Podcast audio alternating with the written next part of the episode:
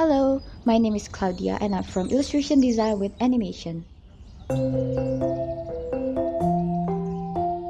The title for my artwork is called Roots. My inspirations comes from observing how people implement their cultures into their field of study. Our cultures and traditions serve as our identity, and as the world keeps advancing, it's not uncommon that we start to lose touch with our culture. This series of illustrations aims to remind everyone to introduce their cultures to the world.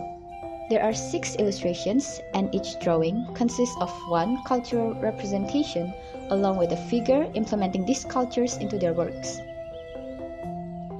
All six illustrations have similar top lighting, symbolizing the passing down from one generation to the next. When arranged, the light and shadow mimics the shape of a bird, uniting all the illustrations into one.